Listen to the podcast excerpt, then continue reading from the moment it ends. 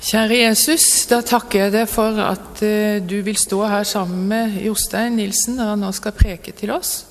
Takk for at du har gitt noen ord og lagt det på hans hjerte. Jeg ber deg, Herre, om at eh, han må få lov å formidle det som du har lagt hans, på hans hjerte nå i kveld, Jesus. Salv ham med din Hellige Ånd. Han kjenne trygghet og glede over å få lov å stå her i din tjeneste og være ditt talerør. Amen.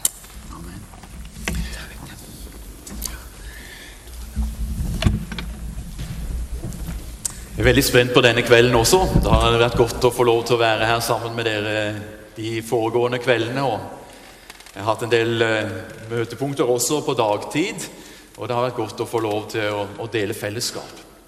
Jeg skal knytte litt an til eh, det som var i, i snakket om i går.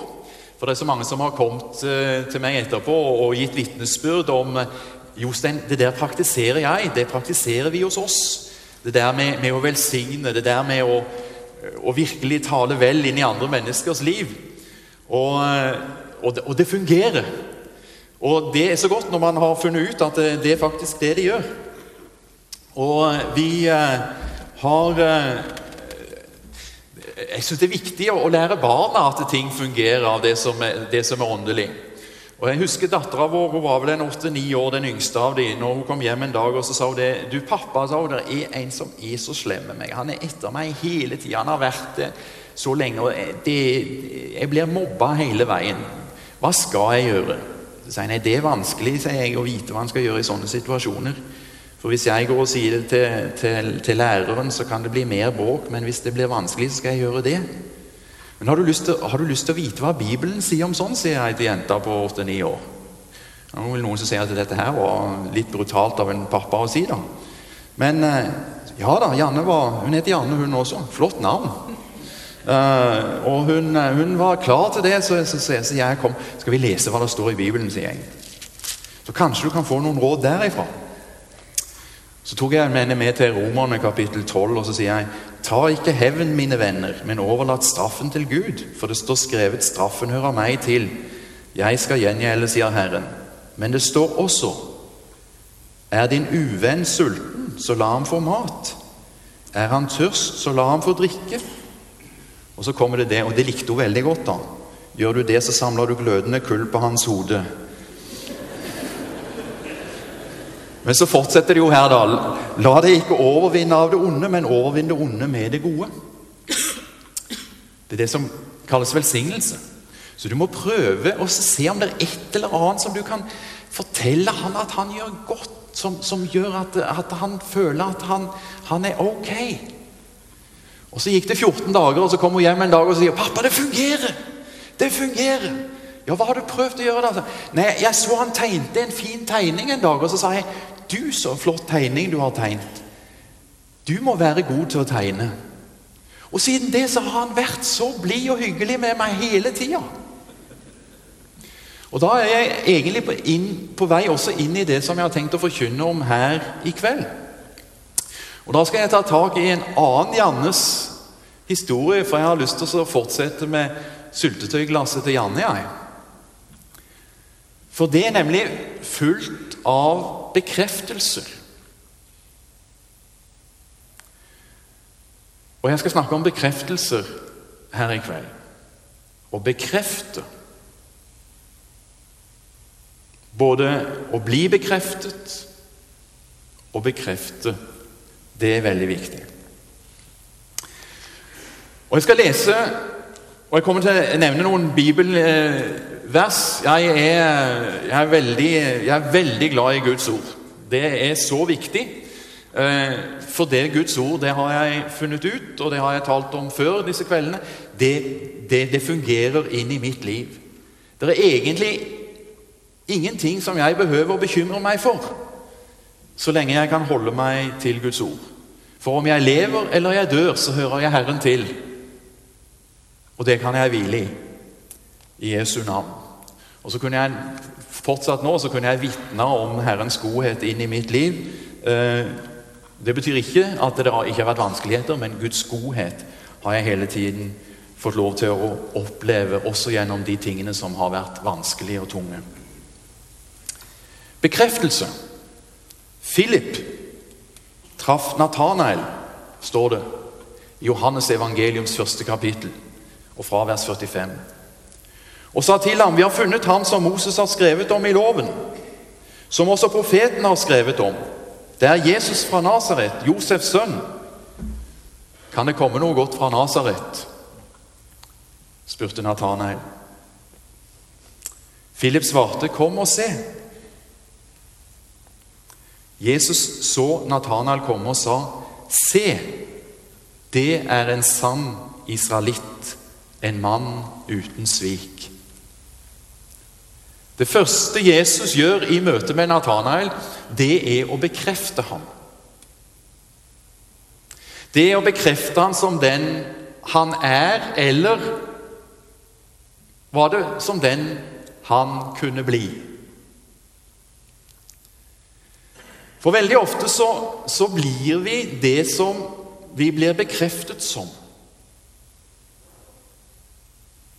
Derfor så blir jeg bekreftet på en positiv og god måte, så i min oppvekst så er det stor sannsynlighet for at eh, jeg tar med meg de verdiene med meg videre inn i et voksent liv.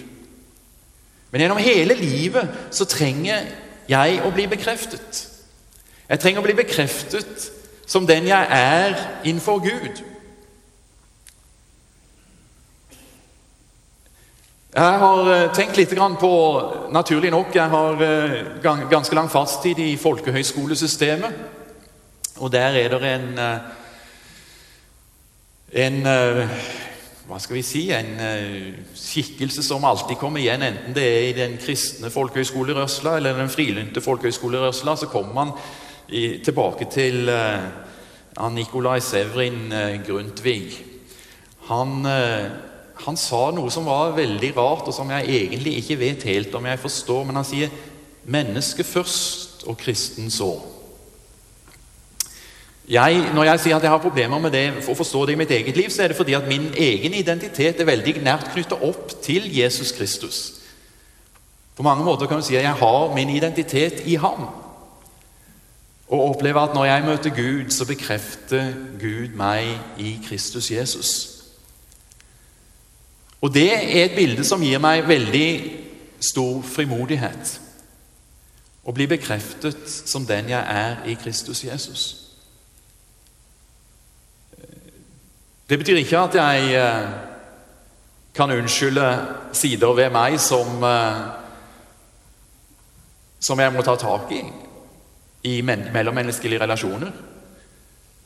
Men det handler om hvor jeg har mitt ankerfeste, hvor jeg har min tro og mitt trygge ståsted.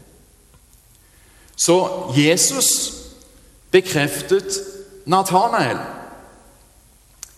Paulus ble også bekreftet. I apostlenes gjerninger så gir han sitt vitnesbyrd. Han, han vitner om hvordan han møtte Jesus på veien mot Damaskus. Og hvordan han gikk inn i byen for å, å vente der på nærmere beskjed. Og så kommer det en person til ham som fortsetter det som Den hellige ånd hadde begynt i Sauls, som han ble kalt da, i Sauls liv.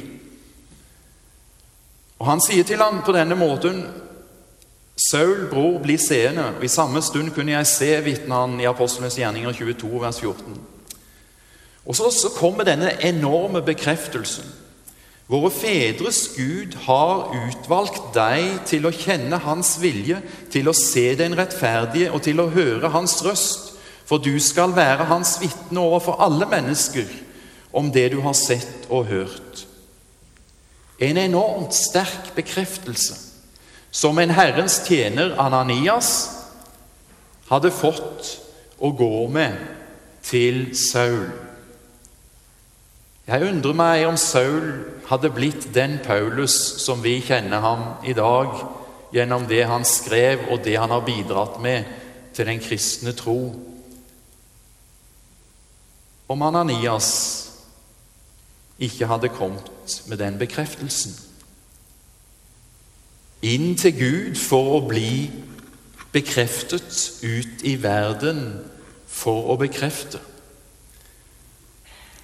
Mennesker.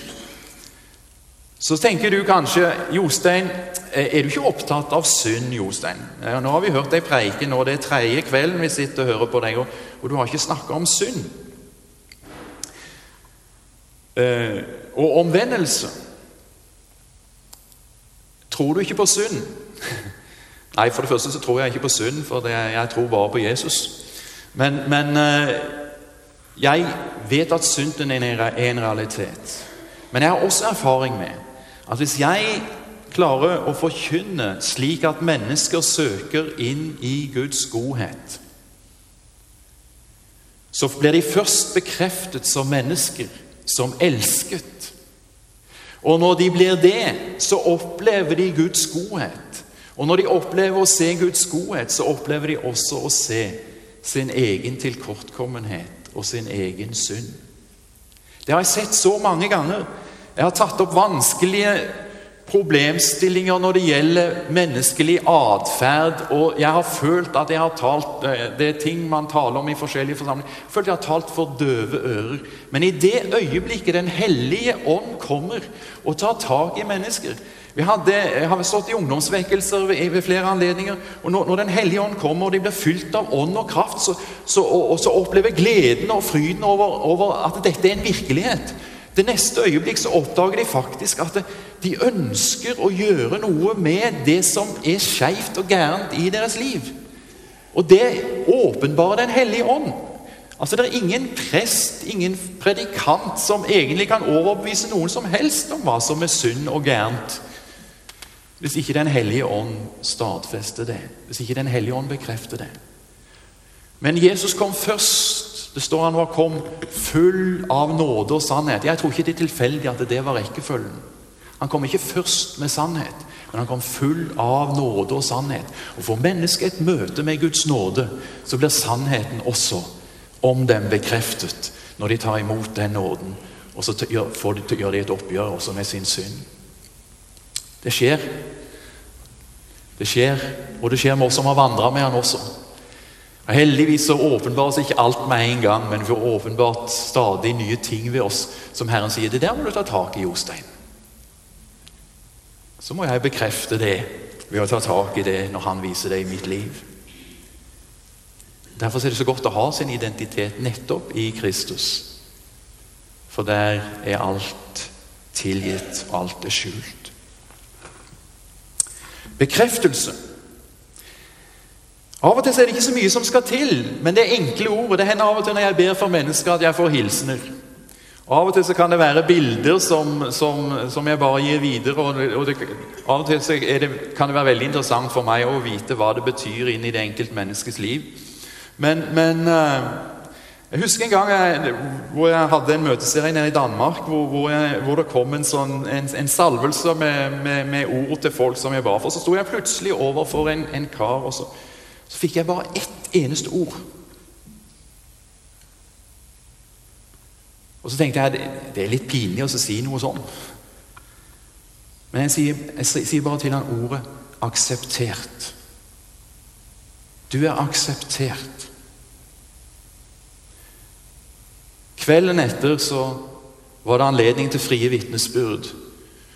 Og så står eh, denne gode, røslige dansken opp, og så sier han det at i 30 år så har jeg vært en kristen, men jeg har alltid tvilt på én ting. Og det er om jeg virkelig var akseptert. Og så kommer denne rare nordmannen. Det er deilig å være rar nordmann i Danmark. Det er noe annet enn å være rar nordmann i Norge. Men eh, så kommer denne rare nordmannen, og så sier han at en hilsen fra Gud du er akseptert. Og det er så herlig å stå her etter 30 år og vite at jeg er akseptert. Inn til Gud, få et ord, bekrefte. Bekrefte. Ikke alltid det skal så mye til. Jeg fortalte en historie. Jeg, satt, eh, jeg hadde en lunsjprat i dag med en god bror. Og Så fortalte jeg noe som, eh, som handler også om, for så vidt om bekreftelse. Hadde, når vi var i Moldova, så hadde vi ansvar for et prosjekt. eh, Det var begynt før jeg kom. Og, og jeg eh, Det var et av de prosjektene jeg ikke var særlig glad for. Det er mye bistand som man bør revurdere. Men det var et prosjekt som var initiert av en mye større internasjonal organisasjon, og hvor vi skulle implementere dette her. Vi hadde fått i oppdrag å eh, spore så mange av eh, overlevende av romfolket som mulig etter andre verdenskrig, for at de skulle få en kompensasjon for de overgrepene som de hadde vært utsatt for. Og Den kompensasjonen den skulle de få i form av, eh, av kull, medisin og mat og klær i, fordelt over et år. Eh, den summen kunne sikkert vært brukt på en mye mer fornuftig måte enn at folk bare i løpet av et år skulle bli litt mindre kalde og litt, ha litt mer i magen og, og være litt varmere. Men det er en annen sak. Det som var problemet, og, og, og som, ofte, som på, på, sett og vis også styrka mange av fordommene, var at eh, en del trodde at eh, de hadde hørt summen som vi skulle forvalte, for det var 1,4 millioner dollar som dette prosjektet skulle dra. og det skulle da fordeles på, på 2000 som ble lokalisert. Men det var en del av disse 2000 som trodde at de skulle få 1,4 millioner dollar hver. Og Derfor så ble vi jo trua på livet og anmeldt av politiet, som kom og kikka gjennom våre papirer. og Det var frustrerende, dette her. Ganske frustrerende. Så jeg gjorde av, en avtale med vår advokat og hun som hadde ansvaret for prosjektet. At uh, nå skal komme, nå skal de komme. Vi fikk tak i baronen, som var leder for uh, den delen av romfolket som holdt til i, i Moldova. Kalte han inn og sammen med hans advokat og en ytterligere en eh, tillitsvalgt fra dem. Og jeg hadde forberedt en Nei, nå skulle jeg ta rotta på disse her, altså. Det får være måte på oppførsel. Altså, Det er ikke så hyggelig å gå rundt og være trua på livet. Nå tok vi det ikke så veldig alvorlig, da, men, men man vet jo aldri. Eh, og så kom de inn. Og så skjer dette underet som av og til skjer. Og som jeg skulle, Av og til skulle jeg ønske at det var sånn alltid, men det blir litt for intenst. Når man fylles av Guds kjærlighet på en sånn måte at man elsker absolutt alt og alle, og, det, og man er så glad i dem at det gjør vondt For mens var, vi hadde avtalt at først så skulle hun som hadde ansvar for prosjektet, hun skulle forklare om prosjektet.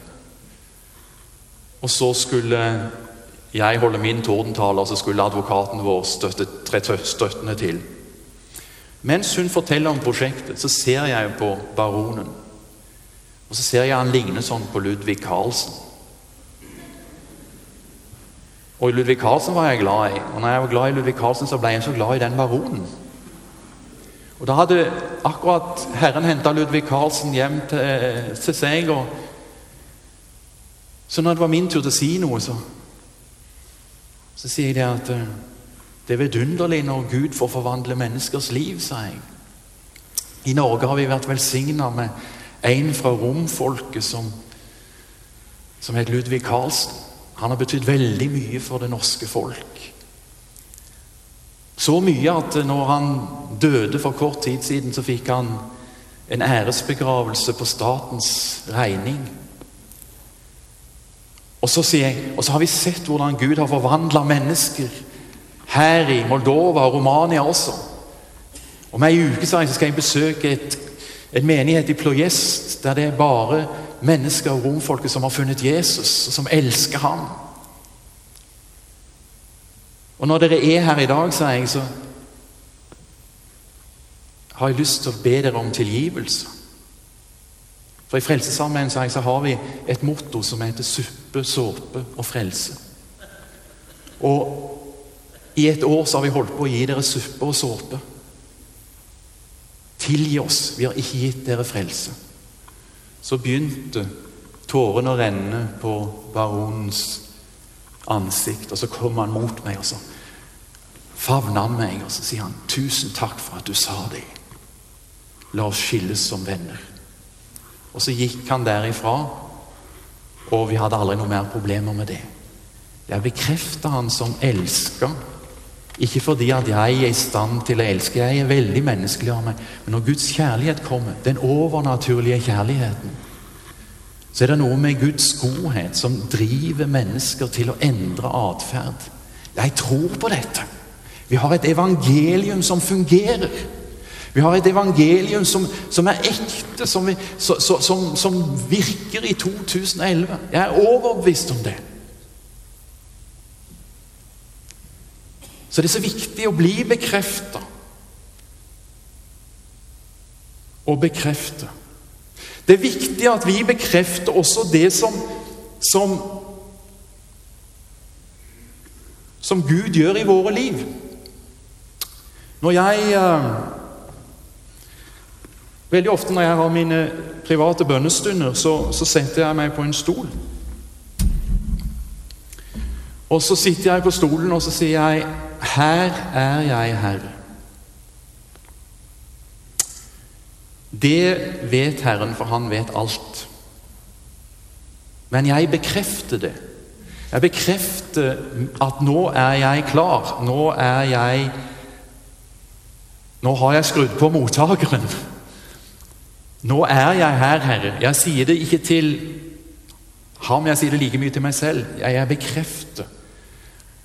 Jeg bekrefter at jeg vet at han er til stede fordi han er alltid nær. Det har han lovt meg i sitt ord. Eh, at han alltid er nær. Det står det. Misjonsbefalingen. Jeg er med dere alle dager. Ja, Det gjelder alle unntatt meg. Det sier kanskje du. Nei da, det gjelder deg også. Jeg er med dere alle dager. Her er jeg, Herre. Jeg bekrefter det. Og det er nemlig sånn at, at Jesus han, han, han, ser etter det. Og, og, Jesus, også når han gikk her på jorda, så tror jeg han visste hva folk tenkte. For det står det. Det står det i, i Markus kapittel 2 at uh, det var i forbindelse med de som firte denne karen ned gjennom taket for at han skulle komme foran Jesus for at han skulle helbrede dem. Helbrede denne lammet. Og Det første Jesus sier, det er at 'dine synder er deg forlatt'.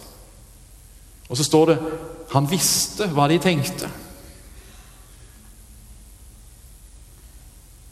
For det var jo bare Gud som kunne tilgi synder. ikke sant? Han visste de tenkte det. Så hvorfor stiller Jesus da spørsmål? Har du tenkt på det? Han vet jo svaret.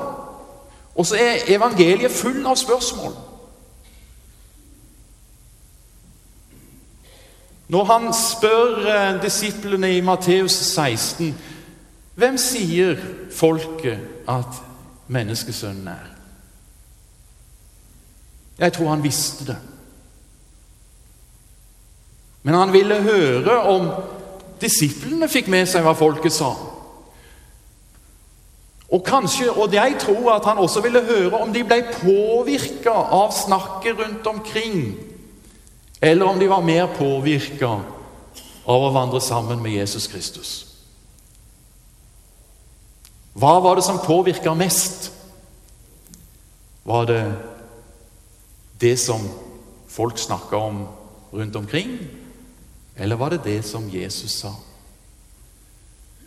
Så når Jesus da vender seg til disippelflokken og spør men hvem sier dere at jeg er?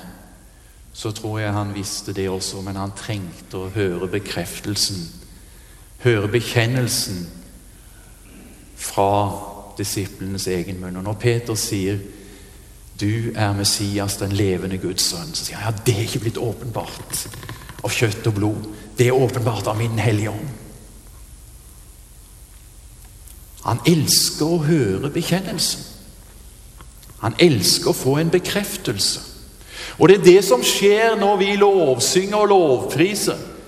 For lovsang det er når vi synger og lovpriser Herren og synger sanger til Ham, så bekrefter vi Hans storhet. Vi bekrefter Hans, hans velde, og vi takker Ham fordi at Han ikke bare er der og troner på vår lovsang, men at Han også er dypt, dypt nedbøyet hos den som sliter og har tunge byrder det er vår Gud, den opphøyde og den nedbøyde. Han som favner verden når han dør på et kors. Ofte tenkt på det med barnet som ble svøpt en, og lagt i en krybbe. Det var først når armene ble utstrakt, at kjærligheten ble fullt ut synlig. Beretningen om kvinnen som rørte ved Jesu kappe. Fantastisk, en fantastisk beretning. Da finner den i Markus kapittel 5. For det går også på bekreftelse, nemlig. Hun hadde hørt. Noen hadde vært i nærheten av Jesus. De hadde fortalt Jesus, hvem Jesus var, og det, de hadde, det, hun hadde hørt, det ga håp. Og Hver gang jeg tenker på det, så, så, så, så føler jeg at å, må det være slik at det folk hører fra meg, er noe som gir håp. Noe som gir håp om framtid, noe som gir håp, noe som gir gnist, noe som gir tro. Hun tenkte. For det er nemlig det at uh, troen, den, den kommer fra det vi hører. Og, og, troen virker gjennom mange kanaler. Den virker gjennom tanken Den virker gjennom tanken til denne kvinnen, tror jeg. For hun tenkte. Men det måtte liksom noe mer til enn bare å ha hørt og ha tenkt. Hun måtte handle. Altså jeg, Om jeg bare rører ved hans kappe, så blir jeg nok frisk. Og Det at Jesus har så mange måter og at ting skjer på, det syns jeg er fantastisk. Og Jeg nevnte det her av de andre kveldene fordi at det, man skal ikke bli opptatt av form. Jeg pleier å si det. Jeg ble frelst i et telt ved en rød plastikkstol med, med hvite metallbein. Det virka innmari godt på meg.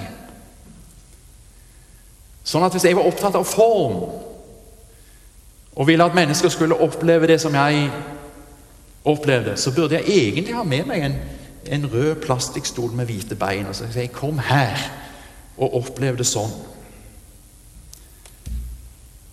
Men det Jesus er opptatt av, det er innholdet i det som skjer.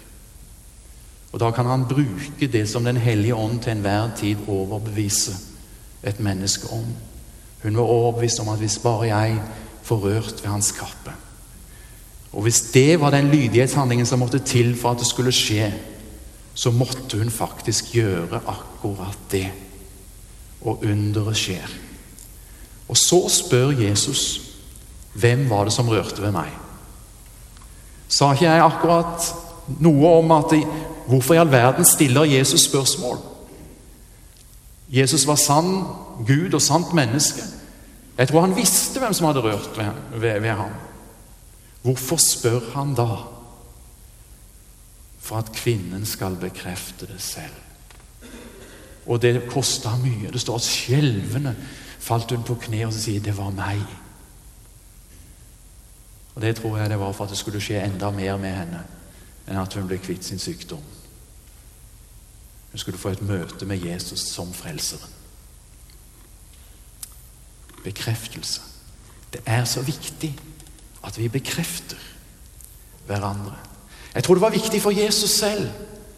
Sist søndag så var mange av dere i kirka og hørte om eh, beretningen om Jesus eh, når han ble døpt. Da ble Jesus bekreftet av sin far. Dette er min sønn, som jeg har glede i. Å, det måtte være herlig å så stå der og vite at ja, nå er jeg bekreftet som det jeg tror jeg er.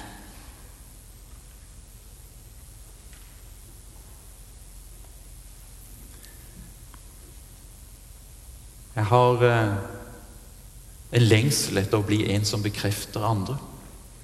Bekrefter dem som mennesker. En som ser mennesker. Og har tid til også å se mer enn bare helt overfladisk. Det er ikke alltid jeg klarer det, for jeg møter veldig mange mennesker. Men disse møtene med enkeltpersoner, når jeg får lov til å se og får lov til å bekrefte, og også selv bli bekreftet Og Gud har vært raus med bekreftelser i mitt liv, og jeg ber om at du òg skal oppleve det, både gjennom dine venner og din, de som, som, du omgås, at du blir bekreftet. Og dermed blir dratt inn i Guds godhet, sånn at ditt liv blir forvandlet, sånn at du får komme enda nærmere det som Gud har for deg, for at du i enda større grad kan gå ut og bekrefte andre. Sånn som et barnebarn bekrefter sin farmor. Eller sånn som et skolebarn som er lei av å bli mobba, klarer å bekrefte mobberens positive sider. et snev av godhet. Paul snakker om det. At Guds godhet skal drive mennesker til omvendelse.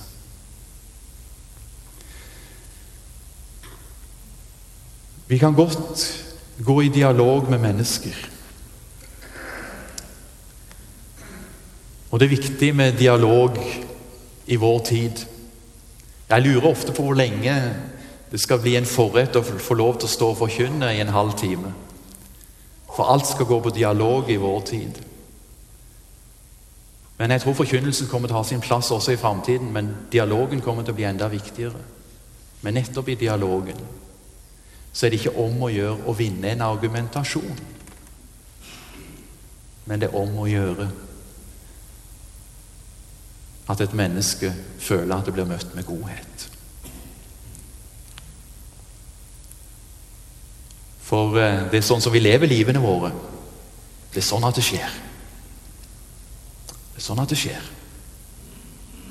Det er det som gjør Jeg nevnte Sandra Ryan her i, i går som er et, sånn et fantastisk eksempel for så mange fordi at hun lever nøyaktig sånn som hun og hennes mann forkynner. Uh, det er slik med dem at uh, han er skribenten, og hun er forkynneren. Men bare et, et lite eksempel på dette med, med denne godheten. Uh, de var kommet og skulle etablere Frelsesarmeen i St. Petersburg.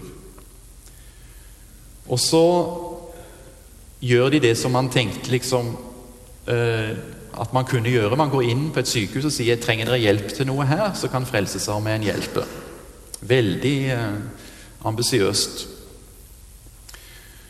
Eh, så sier de det. Ja, nei, vi har egentlig fått nok hjelpesendinger.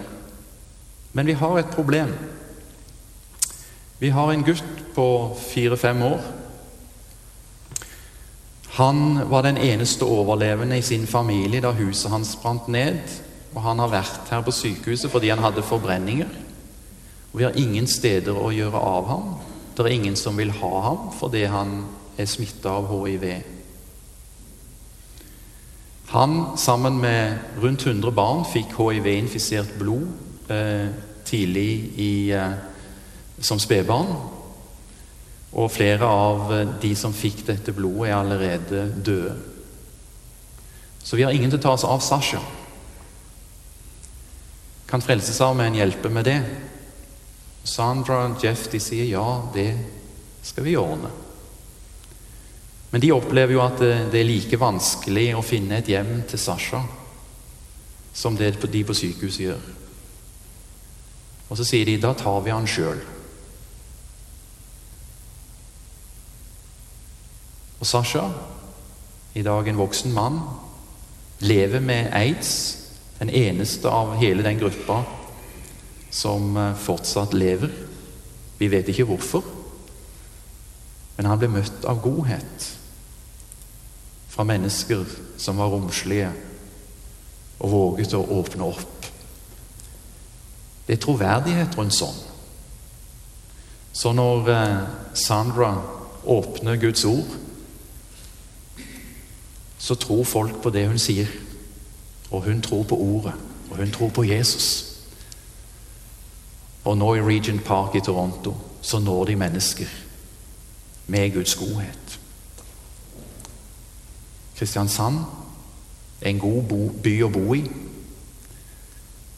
Men det er også mennesker i denne byen som trenger Guds godhet. Og den trenger de å få bekrefta gjennom deg, gjennom meg, når vi er blitt bekrefta innenfor Herren. Og Nå i de avsluttende øyeblikk av denne, dette kveldsmøtet så inviterer jeg deg inn i Guds nærhet og inn i Guds godhet. Du kan gjøre det der hvor du sitter. For Guds godhet er ikke avhengig av at du kommer til alteret, men for noen så er det godt med den lydighetshandlingen også. Det blir kanskje den handlingen som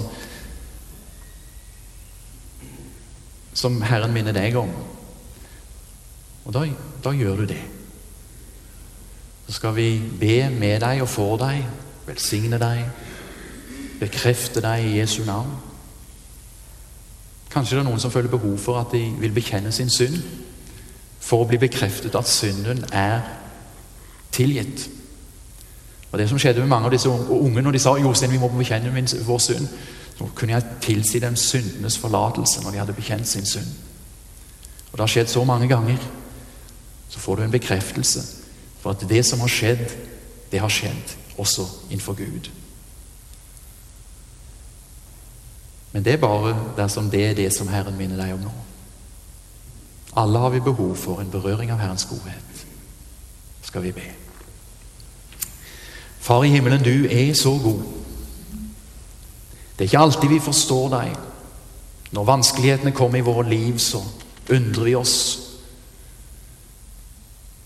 Og når vi skal gjøre opp, så vet vi likevel og kan se bakover at jo, Gud, du var der.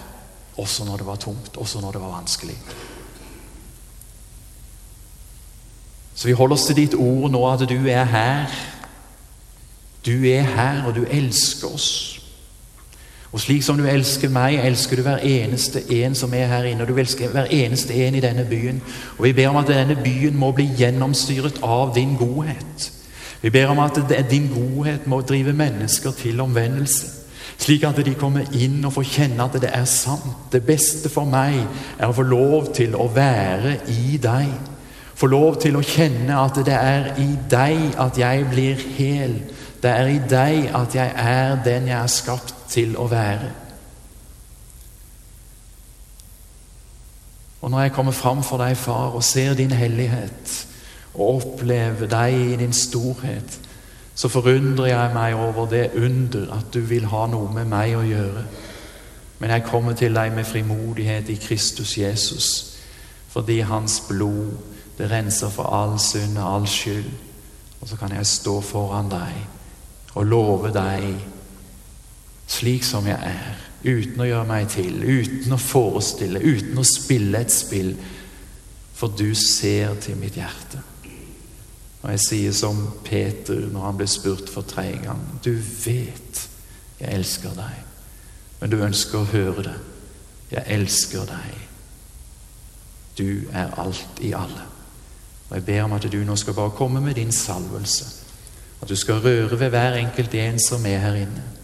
At de skal få kjenne at i din ånds atmosfære nå så gjør du noe med dem. Du berører dem. Du lindrer de tomme tanker. Ja, du, akkurat i dette øyeblikk så tar du noen mørke tanker. Og du tar tak i dem, og du løfter dem bort. Og så fyller du mennesket med lys og nytt mot i Jesu navn her og nå. Du rører ved, ved oss både til ånd, sjel og legeme. Jeg bare ber om at vi skal kunne ta imot nå det du gjør i Jesu navn. Her er vi, og her er du. Jeg lover deg, og jeg priser deg. Amen.